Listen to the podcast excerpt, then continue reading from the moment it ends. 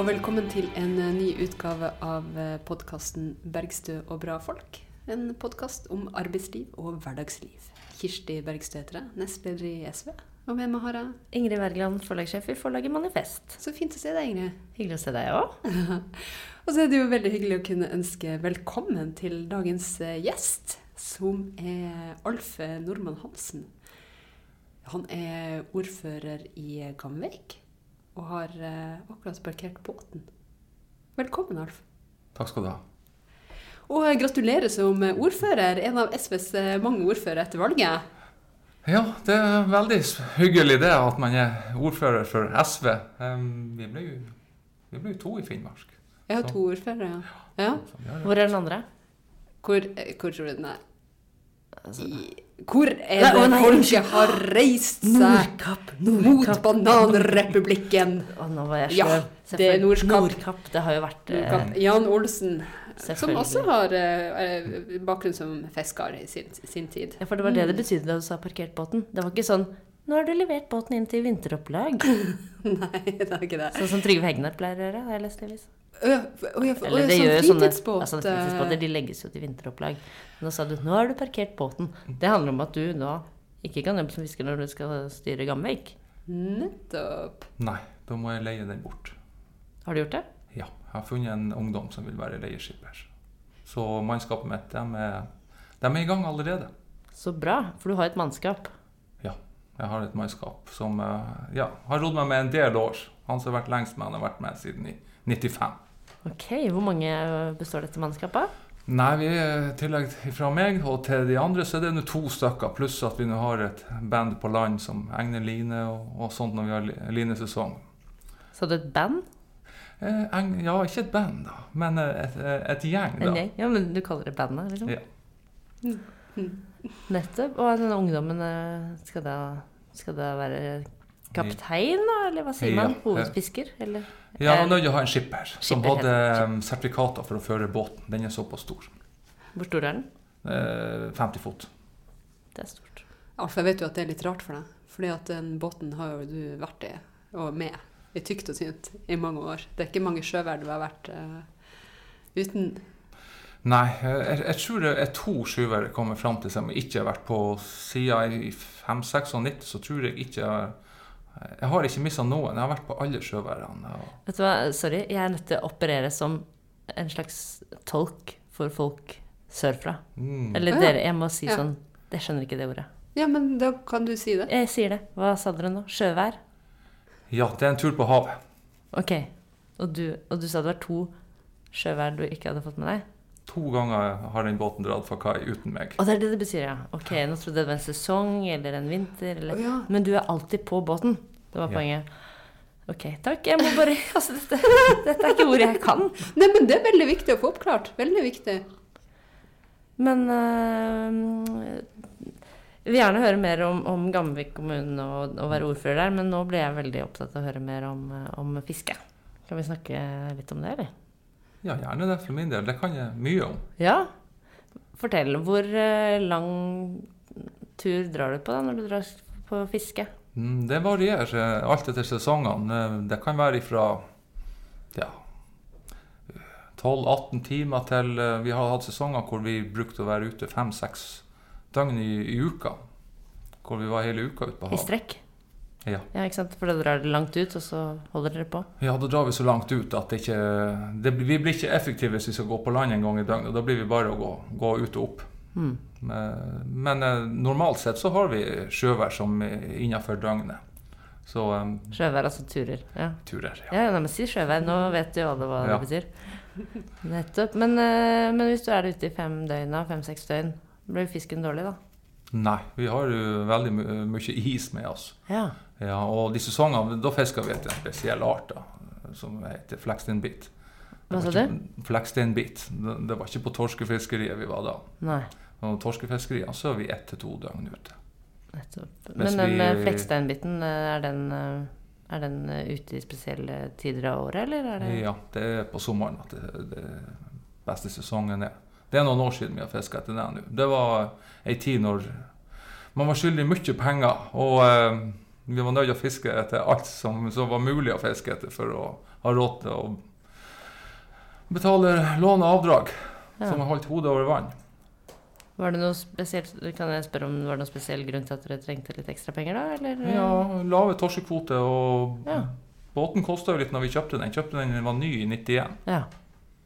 Så da eh, Bankene spør ikke om eh, hva du holder på med. De sier bare at nå er- har vi sendt et avdrag. Nå Ja. er det på tide å betale. Nettopp. Men eh, når du skal da ut etter denne flekksteinbiten, vet du hvilke områder den befinner seg i, da? Ja, det, det vet vi. Det, Hvordan vet du det? det er erfaring, og så er det erfaring fra andre som har drevet samefiske. Men folk sier jo aldri hvor de kantarellstedene i skogen er. Hvorfor sier de hvor flekksteinlittstedene er? Ja, det er noen hemmeligheter. Det var noen hemmeligheter, men de, de finnes ikke lenger. Eh, Vi er vel det mest overvåka yrket som finnes eh, på planeten. Vi har eh, satellittsporing, vi har AIS-sporing. Vi, vi er pålagt å Den minste bevegelse finner de ut hvor vi er hen. Og hvis vi slår av noe av det her utstyret, ja, da ringer det og spør hva i all verden er vi driver på med. Altså kystvakt... Nei, Unnskyld, hva heter det? Kystfartsverket? Nei, hvem er det som ringer? Det er FMC, som er en um, Som er det offentlige, altså som overvåker oss. FMC? Ja, Det er Fiskeridirektoratet, kan du si, som Ja. har en avdeling. Som der er døgn... Ja. Så de er litt sånn Hva holder dere på med nå? Ja, De lurer på hvorfor det har slått av utstyret. Det virker som du har opplevd dette. Ja. Og hvorfor hadde du skrudd av utstyret? Nei, jeg har ikke slått av utstyret, men uh, satellittene er så lavt i horisonten. Hvis vi er på land noen sted, okay. eller bak et høyt fjell, så tror de vi har slått av. Å ja. Og så må jeg søke om å slå det av da når jeg drar på ferie. Og hvis jeg glemmer å gjøre det, da, så da ringer de. Mm. Til Syden også. Men uh, du har jo vært ute i hardt vær der det har vært veldig godt at eh, systemene har virka. Eh, fordi før du kjøpte det, båten du har nå, så var det jo en dramatisk hendelse. Ja, det er jo grunnen til at det, det ble kjøpt en ny båt. Det var jo at vi Jeg var mannskap på en, eh, en 50 fots skøyte, og vi forliste med den i, i 90. 10. mai i 1990. Oi, hva skjedde da? Nei, vi fikk motorstopp. Eh, Vi var på tur på land, eh, og så ganske nært land. Så eh, var det sånn undervannsskjær som vi var litt redd for å reke opp på. Så unnskyld, men når du sier vi var på tur på land, hva betyr det? da var vi ferdig på sjøen og på tur mot hav. Og dere skulle tilbake til land? Ja, nettopp. Ja. Og, og seilte langs ganske nært land da, et, et stykke der. Og det var det i nærheten av Ja, det, det er dårlig farvann. Det, er- det er undervannsskjær og sånt. Og skipperen, som da var skipperen, han sa at nå skal vi må vi gå i flåtten. Har ikke vi tid å, å vase mer med å prøve å få start på den motoren. For vi fikk ikke start. Og, eh, og gikk i flåten da, og Hva betyr det å gå i flåten? redningsflåten. Og dere måtte ut i Redningsbåten. Ja. redningsbåten, ja. Flåten. Flåten. Ja. Jeg bare oversatt til Ingrid, så Ja. skal skulle skjønne. Og tok på oss overlevingsdraktene og gikk i flåten og forlot Ja. fartøyet. Hvor langt fra land var det da? Nei, vi var ikke veldig langt fra land. Eh, noen hundre meter. Eh, men det var, det var ikke dårlig vær. Det var veldig mye sånn eh, båre. Høye bølger. Mm. Eh, Det hadde vært kuling. Ehm, så eh, vi gikk i flåten og begynte å padle oss for å prøve å komme oss til land. da. Men uh, vi kom oss ikke til land, for uh, sjøen dro oss hele tida ut. Så vi, vi prøvde å, å komme oss mot ei sånn strand uh, noen hundre meter lenger bort. Men så kom det vind, da, og ja, vind faktisk blåste oss på land. For de flåtene de kontrollerer man ikke når det er vind. Men i mellomtida så hadde båten Han gikk opp på det skjæret som vi var redd for. Det undervannsskjæret. Og det er vel det mest spesielle jeg har sett i mitt liv. Eh, når den, eh, den store båten i 50-fotingen eh, En stor kjempebølge tok den oppå, og så landa den oppå det skjæret der. Som er under vann. Vi så ikke det. Men det var som eh, om noen eh, En sånn eh, usynlig hånd tok i mastre, master, masteren på båten og, og rista hele båten. Og to ganger var den oppå der. Tredje gangen da gikk den rett i to. De Og- kløyv de to. Rett i to gikk den. Og da vi kom på land, og da var båten allerede det som var igjen, da, rekt i fjæra. Det var det sånn, ja, det var bare pinneved igjen. Ja. Men var det da sånn at noen visste hvor dere befant dere, fordi, at, eh, fordi dere var registrert? Eh, nei. Eh, vi, vi var jo ikke noe særlig gode å gi beskjed på den tida der. Eh, hva tid vi skulle komme tilbake. Vi, var jo, vi hadde jo mobil om bord og sånt, men eh, den var nå i ustand akkurat da. Var litt plaga med radioutstyret for øvrig, så det var, det var en litt båt for menn, det der. Så eh, En båt for vi var en menn. sporty gjeng om bord, så. Og, eh, så vi fikk ikke gitt beskjed til noen at vi eh, gikk i flåten. Mm. Så, eh, og det var ingen andre fartøy rundt oss heller som så oss. Så, eh, men vi kom på landet, og, eh, og, det, og det var jo veldig spesielt. Det var, eh, det var jo mye sjø da, og, og vi trodde det skulle gå veldig galt. Men eh, når det ser som verst ut, at da, går det best. Og vi ble kjørt på land i ei, stor bølge, og så bare pang, så var vi rett i fjæra. Og der kom vi oss ut av flåten. Da. Og da fant vi ut at eh, her er det bare å vente til noen båter kommer forbi. Og det gikk vel én, så vidt jeg husker, forbi. Vi sendte opp nødrakett, men eh, For det har dere med? Ja, for det er det i flåten også. Eh, og, men den så ikke den. Og da hadde vi én rakett igjen og ett bluss igjen, og nødbluss. Og det sparte vi til vi visste jo at Hurtigruta skulle gå forbi i sånn i titida på kvelden. Og da går den ganske nært land, den også. Så vi tenkte det at hvis når båten kommer forbi Nordsjøen og, og, og liksom kurs mot oss, eller litt utenfor oss, da sender vi opp eh, den siste raketten. Og så når den slokner, så, vi, så tenner vi det siste nødblusset. For Sånn å vise at det er alvor? ja, for hvis noen på broa der ser noe, eller tror de har sett noe, så begynner de kanskje å sjekke opp hva er det de- vi, vi har sett. For sjøfolk, de, de Ja, man reagerer på sånt. Det, det er instinktivt. Og um, der skjedde det som vi tenkte. Styrmannen oppe på brua fikk eh, øye på nødraketten og skulle se hva det her var for noe. Da tenner det et bluss på, på land, og da skjønner han at her er det jo noen som er på land som er i nød. Og Hurtigruta stoppa opp da. Men de kunne ikke komme og hente oss. Nei. De, eh, de, eh, de prøvde å sette ut sine sin eh, eller redningsbåter, men det var ikke sjans å komme på land. Det var så mye sjø. Så de tok jo da kontakt med eh, redningshelikopteret.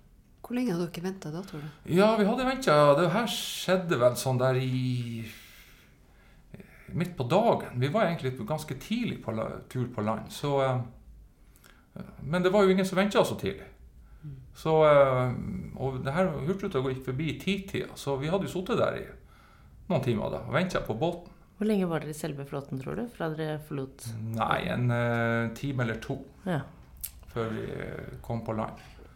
Men var dere varme nok, liksom? Hadde de overlevelsesdraktene Ja, Holdt dere tørre? de for andre var ganske varme. Eh, Jeg, jeg var søkkevåt når jeg tok på meg drakten. Men vi hadde arbeid på dekk, og så var man ikke så nøye den tida. Så jeg var ganske våt. Jeg hadde våte klær jeg hoppet oppi. Men eh, det, det, det gikk bra. Det var, det var ikke kuldegrader, selv om det var så, så tidlig i mai. Men eh, det var nå sne og sørpa, så ja. Men jeg lidde ingen død. Det gjorde jeg ikke. Jeg hadde trampa holdt varmen. Det var ikke noe problem, det. Godt selskap, så. En Men- sterk opplevelse. Ja. Og dette, denne stranda dere da kom inn til, det var ikke noe bebyggelse i nærheten? eller sånn? Da var det Så du Nei. måtte ha redningshelikopter, mener jeg. Nei. Var det en øy, eller? Det er ut mot Nordsjøen. eh, Der er Jeg er ikke så kjent der. Nei, der er veldig sånn utilgjengelig. Ok. Vi, vi kunne vel kanskje ha klart å gått til Mea, men det er mange timer å gå, og så må man over fjellet. Og eh, å gå i, i sånn overlevingsdrakt. Vi, vurderte å gå rundt en odde, for der skulle det være ei hytte. Men eh, det var siste utvei, for det var både bratt og uh, ulendt. Så vi vurderte egentlig ikke å, å gjøre det, for vi måtte. Over fjellet det er jo snø i starten av mai. Ja, det var jo snø på fjellet. Så, eh, nei, så, og glatt og urått og bratt. Så vi, vi, vi holdt oss der vi var. Mm. Men det gikk greit for helikopter å lande der? Eh, Ja, det var, og, det var veldig sånn spesielt. Um, det kom jo helikoptre, og så kunne jo ikke lande akkurat der vi var. De måtte lande litt lenger bort for det var så nært fjellveggen og, og sånt. Så, så kommer det jo en sånn hjelpemann og, og skal hjelpe oss. Og, og, han sjekker jo først om vi er hele og friske og alt det der. og ber oss roe oss ned og sånn der. De er veldig eh, profesjonelle, de der. Det er kjempebra mannskap på de der helikoptrene. Og så klarerte han det, og så fikk vi lov å gå mot helikopteret. Og det jeg skal si nå, det er litt sånn Det var, det var litt dumt. For jeg var så snar og av gårde. Og kommer bort til helikopteret, så, så står jo det med propellen i gang. For det var så bratt der. Så det var bare den ene liksom skidden som sto ned i bakken, og den andre var jo oppe i lufta. Og så ser jeg døra er åpen, så tenker jeg at eh, OK, hvordan kommer jeg inn her? Så jeg klatra opp på den der eh, skidden og så tok tak i sånn karmen på den døra og klatra inn der. Da ser jeg på andre sida av helikopteret de to andre hjelpeguttene. De gikk ut den andre døra som var åpen, og lurte på hvor i all verden jeg ble av henne. Så de var så store i øynene klatra inn der. Som, så det var ganske høyt. sånn der han er Rambo-entré i Ja, det var sånn. ja, eller den parodien på Rambo, da. Nei da, så Ja. Så, og da dro dere, Hvor dro dere fra derfra, da? Ja, da ble vi kjørt uh, flydd inn til Mehamn, så det var jo fem minutter å fly mm. til flyplassen. Og, Men hvor var det du skulle, da? Du bor, bor ikke i Mehamn? Jeg bor i Mehamn, ja. Og er det, ja da. Gamvik uh, okay. har også Mehamn i seg. Ok, beklager. Ja, ja, det, ja, det er med navnene. Det er Gamvik kommune, men ja, Mehamn er den største plassen. Og så Gamvik er litt mindre tettsted. I samme kommune. I samme kommune. Greit. Og det skjønner vi at ikke alle for det er jo vanskelig å vite når man ikke har vært der. Ikke så kjent, nei. nei. Men det er aldri for sent å bli kjent med Mehamn og Gamvik. Det er det jeg anbefaler. Ja. Jeg følger krasjkurs nå. Ja. ja. det var litt av en historie, ja. Nei, men, eh, og der, dette var jo en båt du var eh, i mannskap på. Ja, og da var... var det ikke så mye Nei, det var jo den arbeidsplassen. Den var jo pinneveden. Ja. Og, uh, men hvordan Men det, han hadde vel forsikring, han skipperen? Ja, han hadde jo forsikra båten og det. Og, og han ønska jo å kjøpe ny båt, men han var kommet, blitt såpass gammel han da at han han hadde ikke lyst til å kjøpe den alene. Så spurte han om vi ville være, være med på et sånt prosjekt. Og jeg hadde lyst til å være med. Så da ble det vi partnere. Gammelskipperen og, og, meg. Og du, Hva heter båten? Den heter Solrand. Solrand, Hva er den oppkalt etter? Nei, det er han skipperen, Bjørnar Leinan, som hadde det båtnavnet der. Han, det var vel den tredje båten, tror jeg, han hadde som het Solrand. Hmm. Så han var jo begynt å nærme seg eh, Ja, han var vel akkurat blitt 50, tror jeg, på, på det her, da det her skjedde.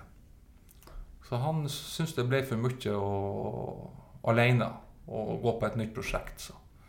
Og, og, ja, og vi hadde god kjemi, vi. Så eh, jeg sa nå ja. Jeg blir med.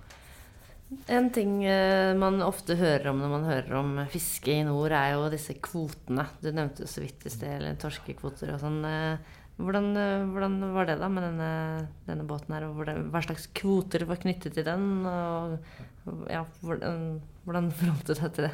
Ja, vi hadde jo torskekvote på den. det var jo selvfølgelig også veldig lave kvoter de årene her. Det var året etter D-dagen. 18. Mm. april hvor uh, torskefiskeriene ble stoppa i Norge. Så det var jo første året vi hadde kvote, faktisk. Ja, Hva skjedde da? Vi hadde så lite kvote det året der at vi, uh, vi var bare tre stykker om bord. Uh, Men hvorfor sier du det dagen? Altså, jeg kjenner ikke detaljene i hva som skjedde da. Nei, i forhold til det dagen? Mm. Men ja, det var norske det ble, Myndighetene stoppa torskefiskeriet i 1989. Den 18. av krisa? Ja. Altså lite torsk. De fant ut at vi, vi, kan ikke holde på. Så ut det året så fikk vi ikke fiske torsk mer. Mm. Og um, året etterpå fikk vi da veldig lave torskekvoter. Det var sånn at det var det, ikke, det var ikke til å leve av. Mm. Det var ikke det. Så, uh, men uh, ja, man lever nå. Så vi fant nå på å rodde etter andre arter. Men det året der, da, da ble det jo stopp så på den sommeren der, så da leide skipperen eh, ja, tre andre båter. Fiska huset på sommeren. Og fiska husekvoten til dem. Og, mens båten, ny båt ble bygd. Mm. Men eh, fiskeri og, og Gamvik er jo uløselig knytta til hverandre. Det er jo få ting som har prega det samfunnet så mye som eh, endringer i fiskeripolitikken i fiske. Eh, og hva tenker du at er utfordringa nå i forhold til liksom din jobb som ordfører, og i forhold til, til fiskeripolitikken og, og kystsamfunnene? Det er, i, I grunnen så er det samme utfordringer, men betingelsene har endra seg. Da hadde vi veldig lave kvoter, hvert enkelt fartøy. Det var mange fartøy, men med små kvoter. Eh, sånn at det, det var et problem med råstofftilgang til bedrifter. For det er jo ikke bare båter i et sånt samfunn. Og, og, mannskap. Det er jo også bedrifter. Så det er jo et helt samfunn som, som prøver å tjene penger på den fisken man kommer på land med.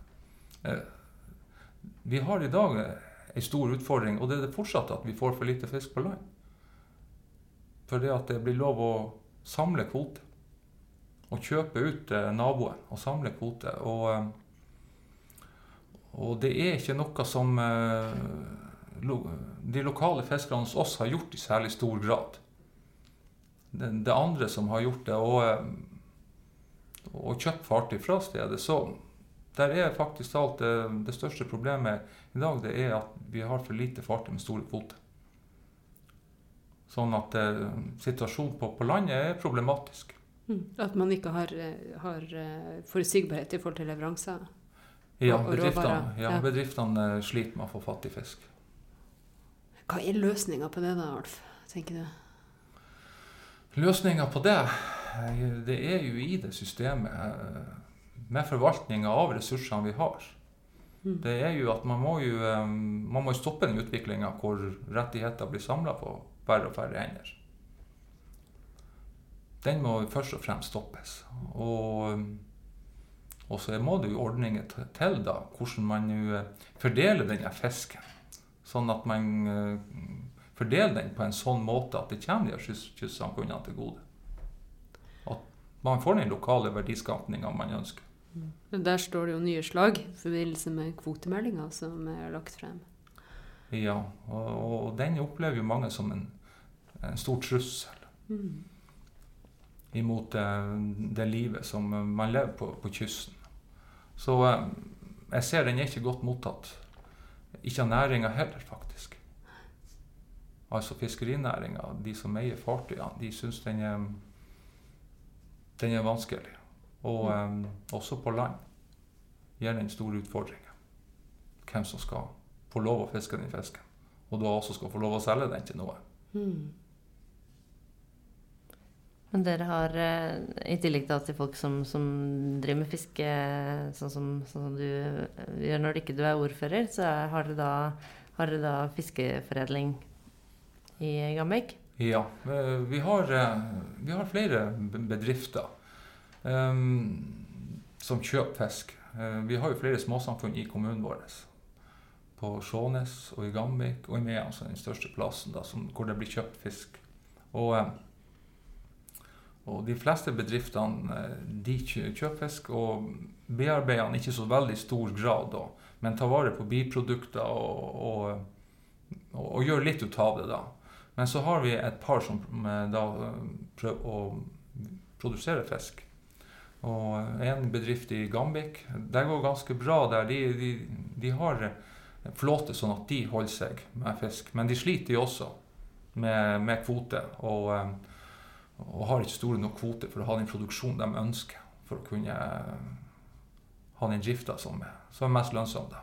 Mm. Men uh, i, i Mea fikk vi jo en ny som starta for et par år siden. Mm, ganske kjent person. Som står bak oss, Arne Hjeltnes. Og, en bedrift som er Finnmarksfisk. da. Uh, de har møtt på store utfordringer i forhold til det der. At de får ikke fatt i råstoff det, det råstoffet som er, blir, kommer til havna av den lokale flåten, de har jo allerede sine kontakter som de selger fisken til. Så mm, det blir ikke mer fisk til havna av at en ny starter. Og fisken han er jo på yttersida av kysten vår i, i, massevis. Men det nytter liksom ikke når noen er og fisker den, så går noen andre steder og leverer den. Den kommer ikke på land hos oss. Selv om den blir fiska utfor hos oss. Er det fordi at eh, forpliktelsene ikke blir holdt? Eh, Ja, du har det jo den, De trålerne har jo eh, skuffa veldig på, på kysten. Der er jo også rettighetene og måten De kravene som var til at en skulle gi arbeid til folk i tilgodesette samfunn, de har jo løpt fra de forpliktelsene. Og klart å få tillatelser til å levere mindre og mindre. Og tillatelser man får, dem mister man ikke. Så, så vi ser ikke noe mer til den fisken. Og det er kystflåten som nå liksom har fått ansvaret for å skal holde liv i kystsamfunnene. Som egentlig den trollflåten skulle gjøre i perioder hvor tilgangen på fisk var vanskelig. Og der de har fått rett til å fiske, men, men vrir seg unna forpliktelsene med å levere dem der de skal. Ja, det er riktig. Mm. Og det er klart eh, Det blir jo veldig omstilling for bedrifter når de ikke får fatt i den fisken.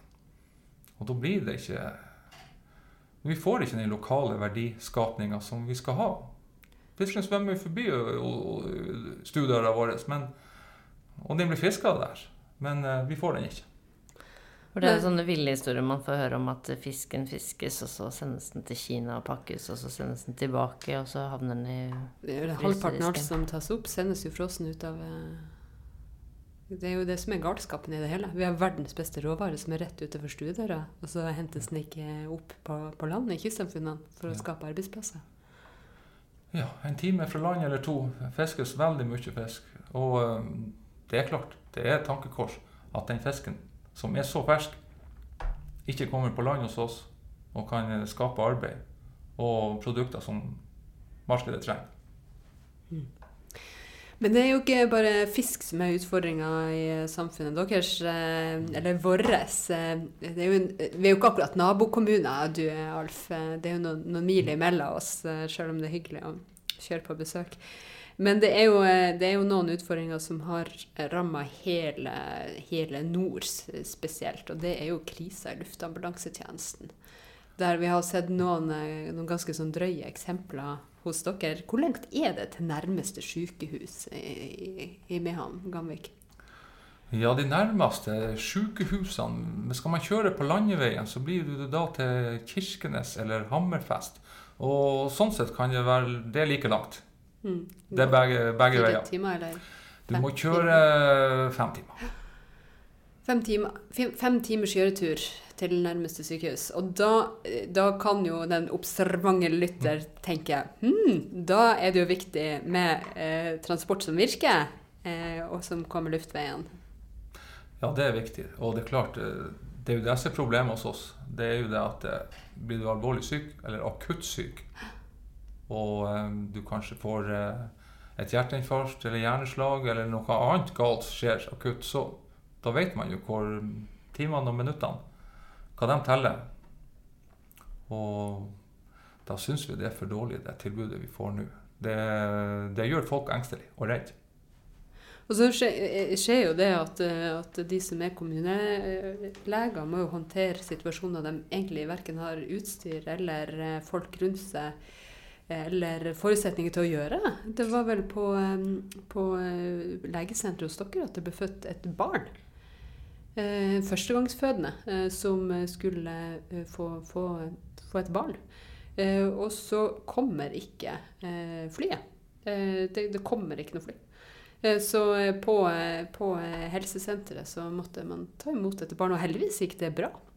Men, eh, eh, men i en tid der vi ser at fødselstallene stuper, eh, og også eh, ikke sant, I Finnmark så er det umulig å ha, å ha eh, fødsels... Eh, fødetilbud overalt, så man er veldig avhengig av transport og transport i tide. Så jeg, det er jo veldig godt at det gikk bra, og at ikke det var en komplisert, komplisert fødsel, selv om man ikke er, er rigga for, for å ta imot fødsler på et eh, lokalt eh, helsesenter. Nå er jo det gledelig med fødsler, i hvert fall fødsler som går bra, eh, men det har jo vært eh, mer kritiske eh, hendelser eller eh, eh, sykdom eh, som, har, som har funnet sted, der man har måttet vente uforholdsmessig lenge på, på syketransport. Hvorfor kom ikke det flyet?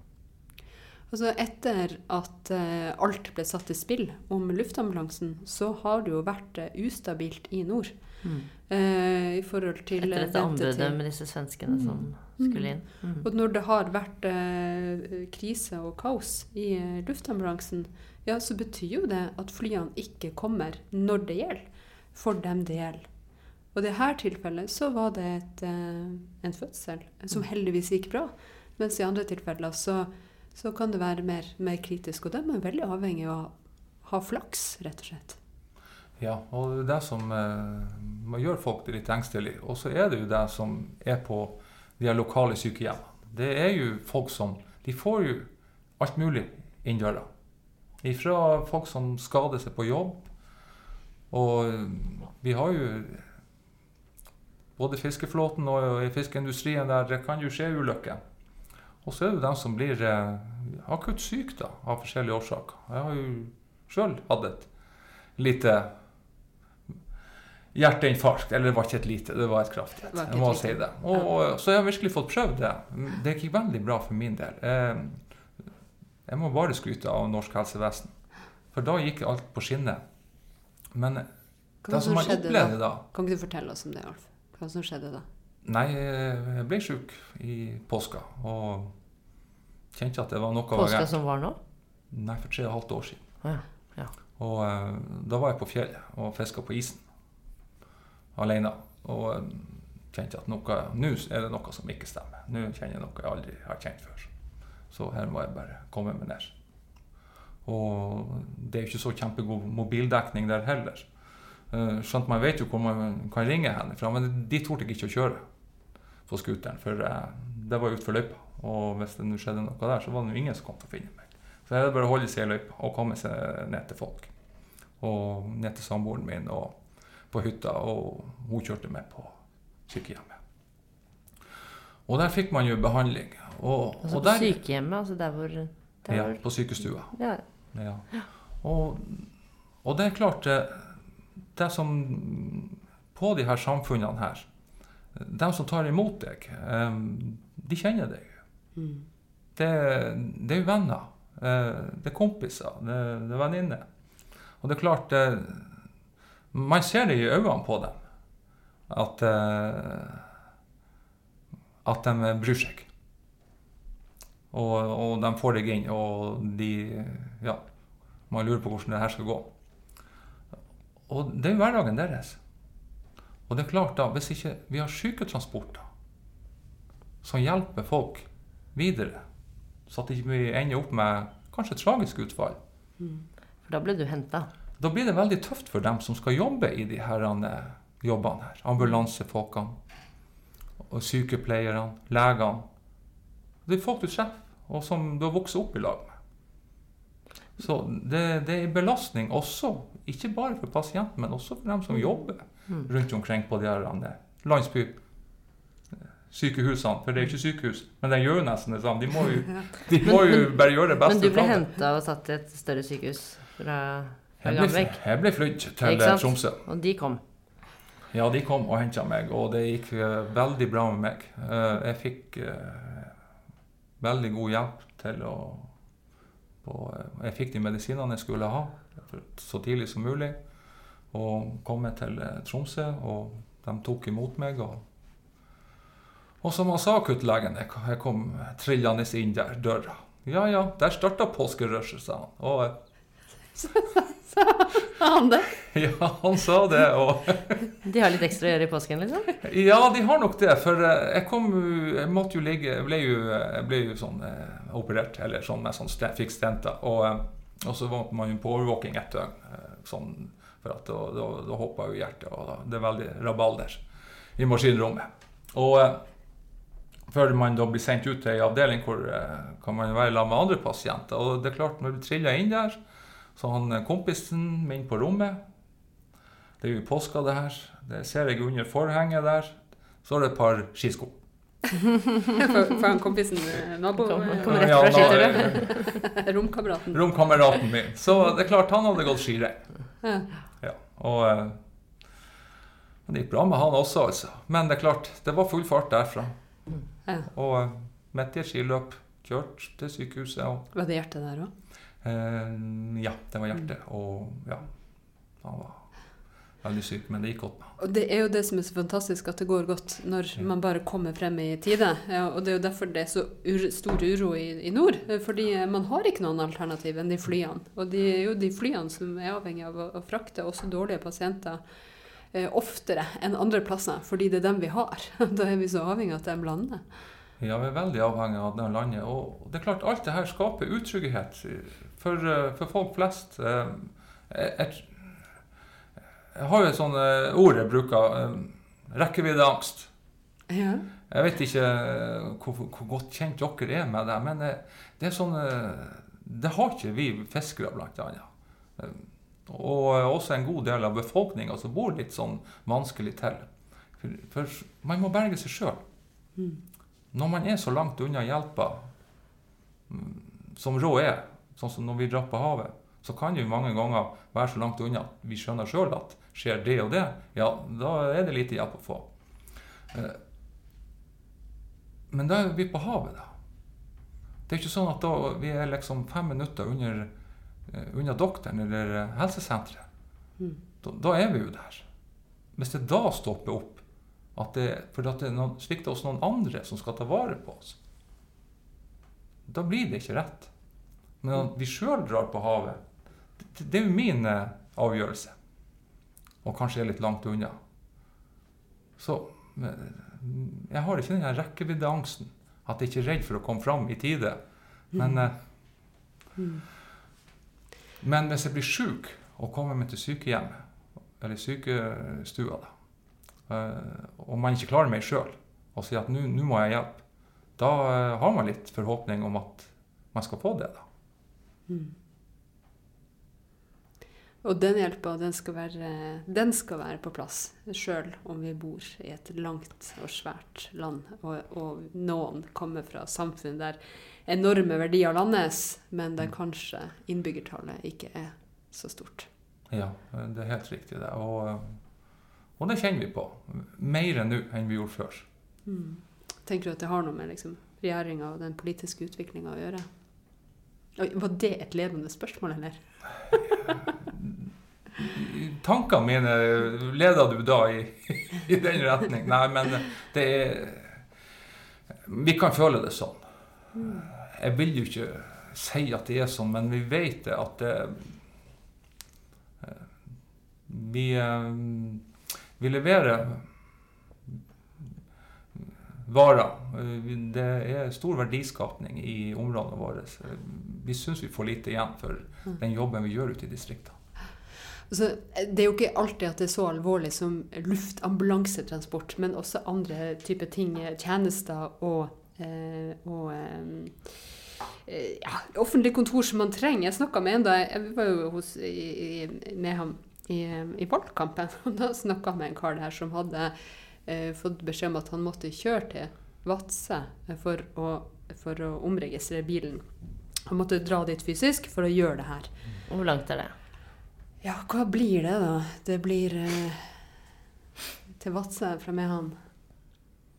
Det er tre og en halv time kjøring. Mm. Ja, tre og en halv, fire ja, timer kjøring. Ja, tre og en halv, tre- ja, det er kanskje noe sånt. Eh, på helt ok veier, stort sett. Men eh, det, er- det er et drøyt stykke. Eh, og så hadde han kommet dit da, for å omregistrere denne bilen. Og så, og så hadde de sagt ja, det er greit, da kan du komme tilbake neste uke og hente skiltene. Og det, ja, men- du kan ikke gjøre sånn med folk, ikke sant? Det, det går jo ikke an. Du kan ikke si at noen skal eh, kjøre tolv timer for å få omregistrert en bil. Altså når til sammen, altså når, når ble det greit å behandle folk på et sånt vis? Men kunne han ikke liksom altså, sendt en mail og så henta dem på posten? Ja, eller? altså kunne, kunne ikke. Han var jo totalt uforberedt på at det her innebar to turer for samme ærend. Eh, og det at man har tjenester og systemer som er rigga på det viset, som ikke tar høyde for at folk bor rundt omkring, og at vi har lange avstander, Det er jo det som bærer så galt av sted, og det er jo det som folk reagerer veldig sterkt på. Når liksom folk og funksjoner flytter ut av lokalsamfunnene, eh, og når de offentlige kontorene forsvinner, ja, så er det jo ganske mange tjenester eh, og, eh, som forsvinner med dem, og ganske mange ting som blir mye mer tungvint. enten det handler om å skaffe seg tillatelse til arbeid eller nye bilskilt. Ikke minst det der å skaffe seg tillatelse til arbeid. Det merker jo dere veldig godt. Vi har jo veldig mye sesongarbeidere. Svært mye. Og det er klart de kommer jo østfra, mange. Og har forhåpninger om å få jobb. Og det er klart, når man må dra til Vadsø eller Kirkenes for å få seg eh, ID-en sin, det personnummeret, og de må ta seg fritt De har av utgangspunktet dårlig råd. De kommer jo for at de ikke har god råd. Og så må de da eh, ta seg fritt fra arbeidet for å, å, å få i ID-en. På, og på en jobb som eh, man tvinger litt folk til å jobbe Det blir gråsone her. Mm. For, som er vanskelig også for arbeidsgivere. For at eh, du får folk i arbeid, og så må du sende dem av gårde for å skaffe seg eh, de ID-ene som du må ha på en arbeidskontrakt. For det ordna ligningskontorene før, Det gjorde de jo lokalt før. når man hadde de lokalt i samfunnet. nå må de reise rundt i Finnmark, til Alta eller eh, til, til Vadsø. Jeg vet ikke om det er Kirkenes også. Og, og det blir veldig langt det, når man skal reise fra Mehamn. Og eh, kommer de om vinteren, ja, da eh, det kan det være utfordringer med å komme fram og tilbake samme dag. ja. Mm. Så absolutt. Når folk kommer for å jobbe, eh, for da er det stort sett på disse fiskeforedlingsbedriftene, ikke sant? Da er det, er det mange som har med seg familie, eller kommer folk stort sett alene? Eller? Eh, nei, de kommer veldig mange alene. Eh, det, er, det er ikke så mye familiefolk. Ikke i starten, i hvert fall. Da er det gjerne mannen i familien da, som kommer og, og, eh, og ser om det kan være grunnlag for et, et, et godt liv i, i Mehamn eller i, et fiskevær som vi kjenner til. da. Men eh, vi har ganske mange av utenlandsk opprinnelse. Eh, Siste jeg fikk høre, nå, det var at vi har 22 forskjellige nasjoner Mm. i Gamvik kommune. Og jeg ser jo at vi, når det gjelder innvandring, så er vi vel på toppen i, i Gamvik kommune. Båtsfjord Det er vel bare Oslo som slår oss. Og så, så vi er vant til, eh, til folk som kommer både langs sjøen og, og langs veien. Så vi er et eh, mangfoldig samfunn. Men det er klart det er et problem for dem når de kommer, at eh, systemene er sånn Mm. at det blir vanskelig for dem å ta seg jobb. Mm. For de må registrere seg først, som de kanskje ikke er oppmerksom på. Og det, noe av den registreringa, da må man ha en lapp i neven at de har fått seg jobb. Mm. Men det, det er noen som etablerer seg etter hvert også, da. Som drar Det er ikke bare, det er ikke bare arbeidsplassene som er mangfoldige, men, men skolen òg, da, sikkert. Ja, vi har Hvor er det eh, folk kommer fra? Jeg er usikker på Ja, det er jo Det er Øst-Europa det meste kommer fra. Men vi har jo fra andre deler av verden også. Så det er klart, undervisning i skolen Vi har jo Island også. Det kommer veldig mange fra Island da det var krise der. Ja, og som har etablert seg i, i Gambek, især hos oss, da. Så eh, der har de eh, islandsk. Et lite islandsk miljø. Ja, et stort islandsk miljø Mm. der. Så um, det er klart, det snakkes mange språk. Du, Alf, jeg, vi, vi, det, vi kom jo så fort inn i fiske eh, at jeg glemte liksom å be deg om å si noen ord om deg sjøl først.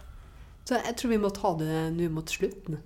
Kan ikke du fortelle litt eh, om hvem du er? Vi vet at du er skipper. Vi vet at du er ordfører i Gamvik. Hva mer? Ja, hvem er jeg? Et et stort, viktig eh, eksistensielt spørsmål. Jeg bruker ikke å snakke så mye om meg sjøl. Når jeg ringer til noen, så, så de tar røret i andre enden og sier 'hallo', sier jeg, ja, det, det, det er meg, Analf. Så eh, da tenker jeg at da, da vet alle hvem jeg er. Ja.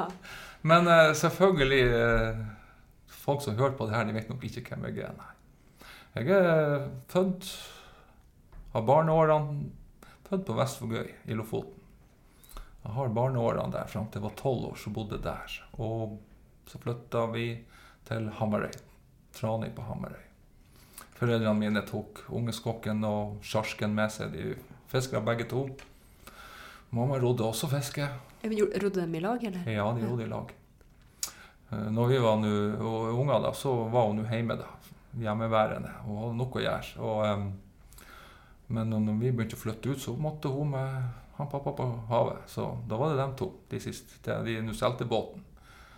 Og, um, men i alle fall, jeg ble nå der på Hamarøy til um, Jeg ble en sånn 17-18 år. Så tok jeg videregående utdannelse i, på Vestbø igjen. og litt med militæret, og så eh, for jeg på Finnmarka. For jeg hadde vært der på sommerjobb fra jeg var 17-18 år. og Det, det, man blir fort avhengig av å dra på Finnmarka. Hva betyr det? Nei, har du vært der én gang, en sommer på Finnmarka, da, da skjønner du det. Hva er det? Å være en sommer På Finnmarka? altså i Finnmark. I Finnmark, ja. Det Ja. er, det er det sånn nordnorsk språk. ja. Det er det, jeg skjønner Ja. ikke Men å dra, å dra på fiske i Finnmark, da, eller? Har du fått opplevd en sommer på, med det livet som kan være i et fiskevær på Finnmarka eh, som ungdom, så eh, du får det aldri ut av hodet igjen. Du vil tilbake. Men det høres veldig fint ut, for du sier Finnmarka, og ikke Finnmark. Hvorfor Ja, jeg er lofoting. Finnmarka. Men jeg tenker altså at det rett og slett kan være en oppfordring. Fordi har du opplevd en sommer eh, i Finnmark som ungdom, så får du aldri ut av hodet igjen. Nei, du gjør ikke det. Det er opplevelser som setter seg i kroppen, og det er en lengsel som driver deg helt til du kommer hjem igjen. det er nydelig! Det er det. Ja. Det er herlig. Men du har jo ikke alltid vært fisker. Eller kanskje du har det? For vi har jo et fast spørsmål her i sendinga, Ingrid. Ja, det er jo hva din første jobb var, men nå syns jeg det høres ut som du har eh, kanskje røpt allerede. Var det å være kanskje ikke. Eller har du hatt en annen betalt jobb som din første? Min første betalte jobb, den hadde jeg jeg var ti år, tror jeg. Ja, jeg var ti år. Det var på en gård.